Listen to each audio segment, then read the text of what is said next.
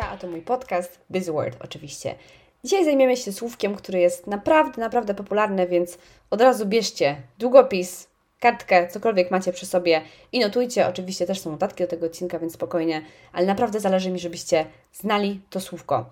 To jest czasownik i to jest słówko, które będzie dla Was na pewno proste do zapamiętania, bo jest, tak, bo jest takim zbitkiem wyrazowym dwóch słów, które na pewno znacie. Sky, niebo i rocket. Możemy to przetłumaczyć jako rakietę, ale to też jest czasownik, który mówi o tym, że coś rośnie, wzrasta albo pędzi gwałtownie. Tak, tak to można przetłumaczyć. Chodzi mi tutaj o czasownik to skyrocket.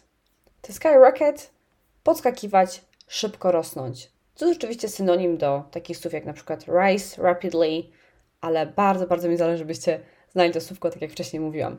To skyrocket, podskakiwać, szybko rosnąć i najczęściej używamy go właśnie w dyskusjach związanych z takimi znacznymi wzrostami, gwałtownymi wzrostami, jakimiś takimi nagłymi, czyli kiedy mówimy o jakichś takich kwestiach ekonomicznych, finansowych, o cenach, o sprzedaży, o popularności, ale też o sukcesie. Zaraz Wam podam taki przykład, ale to za moment. Mam dla Was dwa zdania ze słówkiem to skyrocket, ok? Pomalutku.